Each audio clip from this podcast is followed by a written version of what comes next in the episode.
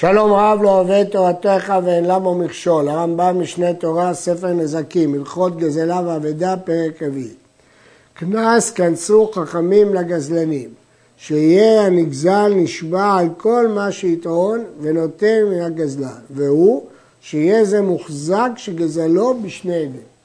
אם יש שני עדים שהוא גזל אותו, יש לו שם גזלן, ולמרות שהנגזל לא יודע כמה הוא גזל אותו, הנגזל יכול להישבע כמה הוא גזל אותו ונוטל. זה אחת משבועת הנוטלים שכתובה במשנה בפרק שבועות, אלו הם הנשבעים ונוטלים, הנגזל. יש להעיר ששם זאת שבועת המשנה, היא לא שבועת התורה, אבל היא גם לא שבועת הסת, היא שבועה בנקיטת חפץ, היא שבועת המשנה שהנגזל נשבע ונוטל. יש שואלים, העדים ראו שהוא גזל משהו, אז כבר הם מעידים במקצת, ויש כלל שאם יש עדים במקצת, זה כמו מודה במקצת, שחייב שבועה מהתורה, אז למה זה פה רק שבועת המשנה? כיצד? הרי שנכנס לתוך בית חברו למשכנו בפני עדים, העדים ראו שהוא לוקח, ולא היה תחת כנפיו כלום, ראו שהוא נכנס בלי כלים, וכשהוא יצא, ויצא וכלים מוטלים לו תחת כנפיו, ולא ידעו העדים מהם, העדים לא יודעים מהם הכלים, אבל הם יודעים שהוא גזל. בעל הבית אומר קרא וחג גזלתני. בין שאמר הגזלן מעולם לא נכנסתי ולא נטלתי כלום. בין שאמר נכנסתי למשכן כמו שאמרו העדים, אבל לא נטלתי. ולא היה תחת כנפי אל הכלים שלי. בין שאמר נטלתי כלי זה ובעל הבית טוען שנטל כלי זה וכלי אחר, הרי בעל הבית נשבע בנקיטת חפץ ונותן כל מה שאיתו. יש להעיר שהמקרה השני מיישב את הקושייה ששאלנו קודם. כי זה לא דין עדים במקצת, כי הוא טוען, נטלתי את שלי, העדים לא יכולים לטעון שהוא לא נטל את שלו. בכל אופן, זה קנס שהוא נשבע ונוטל. המקרה האחרון, הרי הוא הודה שהוא נטל כלי אחד, אז יש לו דין מודה במקצת. אז אם כן, מדוע צריך פה את הקנס? אפשר לומר שיש פה דין של הילך, זה לא מודה במקצת, כיוון שהוא מוכן לשלם אותו מיד. ולכן בכל זאת יש פה קנס שהנגזל נשבע ונותן. במה דברים, דברים אמורים? בשטען הנגזל, הכוונה, דברים שהוא עמוד בהם. כלומר, דברים שהגיוני שיש לו אותם.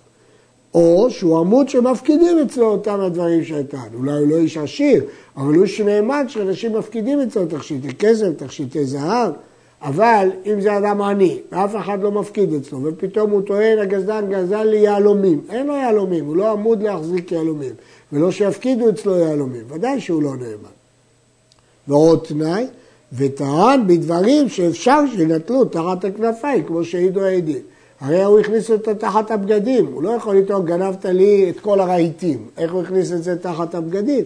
ודאי שהטענה צריכה להיות טענה הגיונית. אבל אם לא מתקיימים תנאים אלו, לא כנסו אותו חכמים. ראו עדים שנכנס למשכן את חברו, ולא ראו בעת שיצא. או שיצא ואין נראה תחת כנפיו כלום, אז בעצם אין עדים שהוא גזל. בעל הבית טוען ואומר כך וכך נטל. אפילו אמר מעולם לא נכנסתי, שהרי מכחיש את העדים, הרי זה פטור, העדים ראו שהוא נכנס, הוא אמר לא נכנסתי, אבל זה לא משנה, כי העדים לא העידו שהוא גזל, לכן לא רלוונטיים בכלל פה העדים. שאם אמר נכנסתי ולא נטלתי, נשמע שהוא התסת שלא כלום והולך, שאפשר שייכנס לגזול ולא גזל. אפילו אם ראו אותו נכנס ולא ביקשו, ואפילו אם יודעים שהוא התכוון לגזול. אבל מי אומר שהוא גזל בפועל? הרי הם לא מעידים שהוא גזל בפועל. היה עד אחד מעידו שנכנס ונטל כלים תחת כנפיו ואינו יודע מהם. והוא אומר לא גזלתי כלום. או שאמר בחובי נטלתי, זה שלי. הואיל ואין העד יודע מי היה תחת כנפיו, הרי זה נשבע מכיתת חפץ שלא גזל, שאינו מוחזק בגזלנות אלא בשני עדים. פה לא נאמין לנגזל כמה הוא גזל לו, פה ההפך, הגזלן יהיה נאמן מכיתת חפץ. למה? עד עכשיו לא יכלנו להטיל על הגזלן להישמע, כי גזלן פסול לשבועה. אבל למה הוא היה פסול? כי היה שני עדים שהוא גזלן. פה אין שני עדים שהוא גזלן, יש עד אחד שרואה מה הוא נטל. כיוון שזה רק עד אחד, אפשר להשביע אותו שבועה בנקיטת חפץ. כשם שבעל הבית נשבע ונותן מן הגזלן, כך שומר של בעל הבית, ואפילו אשתו של שומר נשבעת שזה נטל כך וכך, ומשלם הגזלן. היה שם שכירו או לקיטו של בעל הבית, כלומר, זאת לא אשתו ולא שומר שלו, אלא פועל שלו, אינם נשבעים ונוטלים, ואין הנגזל יכול להישבע. שהרי לא היה בביתו בשעה שנגזל, אין לו טענת בריא, ואין העדים יודעים אם נתן ככה כנפיו כדי לחייב הגזלן להחזיר, ואין משביעים את הגזלן מפני שהוא חשוד על השבועה, יש פה בעיה. את הגזלן אי אפשר להשביע כי יש שני עדים שהוא גזלן ולכן הוא חשוד. לשלם אי אפשר לחייב אותו כי העדים לא יודעים כמה הוא לקח. להגיד שבעל הבית יישבע כמה הוא לקח אי אפשר כי בעל הבית לא יודע כמה הוא לקח, הוא לא היה שם בכלל. כיצד עושים בדין זה? כדי שבעל הבית לא יפסיד. מחרים בעל הבית חרם, סתם, על מי שנטל מביתו כלום ואינו מודה בדין. אין פה את התקנה של שבועה, אבל הוא יכול להחרים.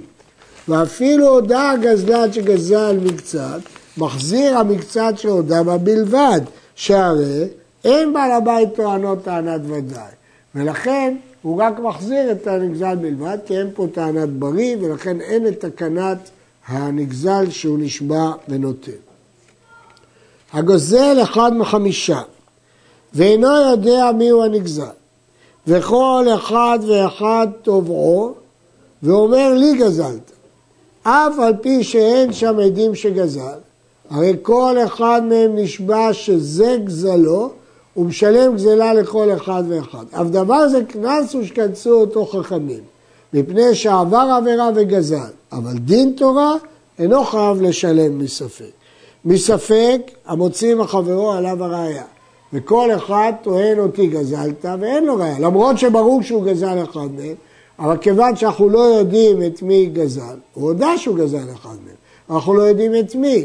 ההלכה היא שמדין תורה הוא פטור, אלא שכיוון שהוא גזלן, כנסו אותו לשלם לכל אחד ואחד את הגזלה. זאת סוגיה שתלויה במחלוקת במשנה, רבי טרפון ורבי עקיבא, וכך היא ההלכה. אמר לי שניים, גזלתי אחד מכם, או אביו של אחד מכם, ואיני יודע איזה הוא. אם בא לצאת ידי שמיים, חייב לשלם גזלה לכל אחד ואחד.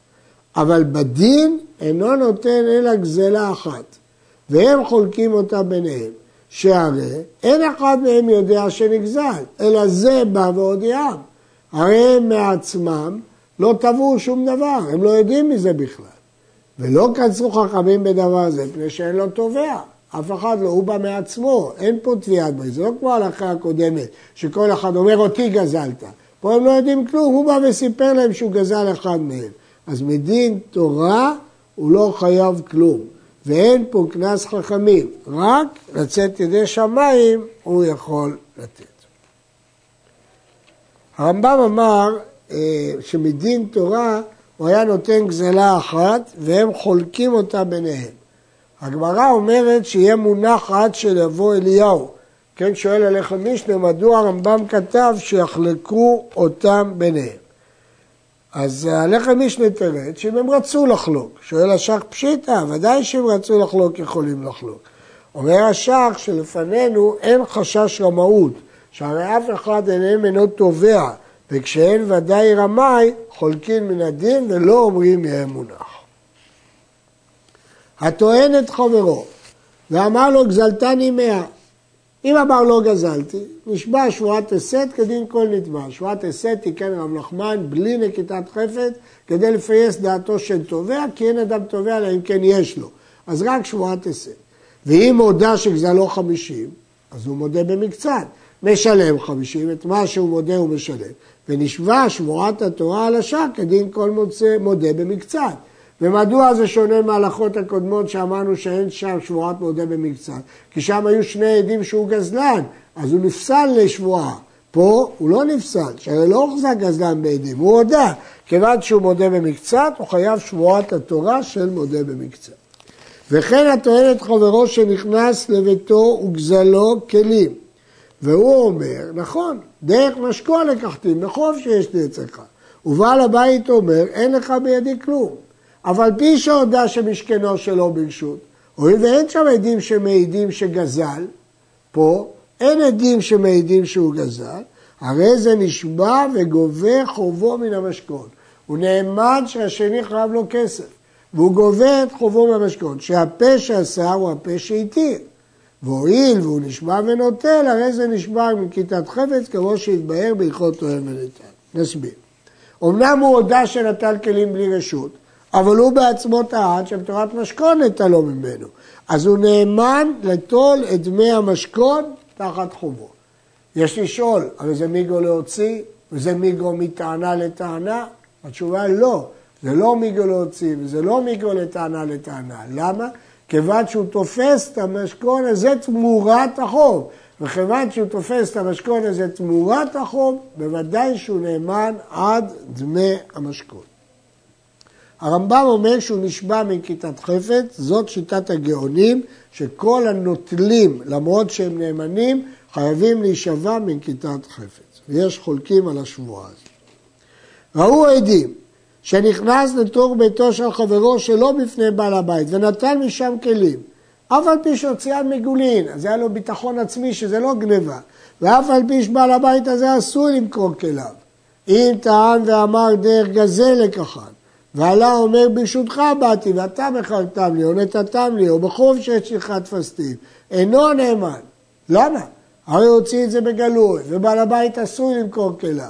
מדוע הוא לא נאמן? שכל הנכנס לבית חברו שלו בפניו ונטל כלים משם והוציאם בפני עדים, הרי זה בחזקת גזלן. עצם הכניסה שלו שלו ברשות עושה אותו בחזקת גזלן. גם אם הוא נטל את הכלים מגולים, גם אם בעל הבית אסור למכור כליו. טענת בעל הבית שהוא גזלן גוברת על הטענה שלו. מדוע? כי הוא נכנס שלא ברשות בפני עדים ונטל כלים. לפיכך, מחזיר הכלים לבעל הבית, ואין כאן שבועה שהעדים ראו מה גזל, אין פה ויכוח מה גזל. ואחר שיחזיר, חוזר ותובע את בעל הבית בכל מה שיטעון. אם הוא חושב שבעל הבית חייב לו, שיטען. יכול לטעון שבעל הבית חייב. והדין ביניהם. וכן, אם היה שם עד אחד בלבד, ובעל הבית טוען שגזלו לו כלי זה בידו, ועלה אומר, לקוח הוא בידו, נכון, העד צודק שאני באתי ולקחתי, אבל זה שלי, או מחובי גביתי, או שלי היה הפיקדון אצלך, הרי זה חייב להחזיר הכלי לבעליו בלא שבועה. שאילו היו שם שני עדים, היה חייב לשלם, כמו שאמרנו בהלכה הקודמת. עכשיו שאין שם אלא עד אחד, חייב שבועה מהתורה, שבועה נגד עד אחד. ואינו יכול להישבע, שהרי אינו מחריש את העד. הרי העד אומר שהוא נכנס, וגם הוא אומר שהוא נכנס. העד אומר שהוא חטא, וגם הוא מודה שהוא חטא.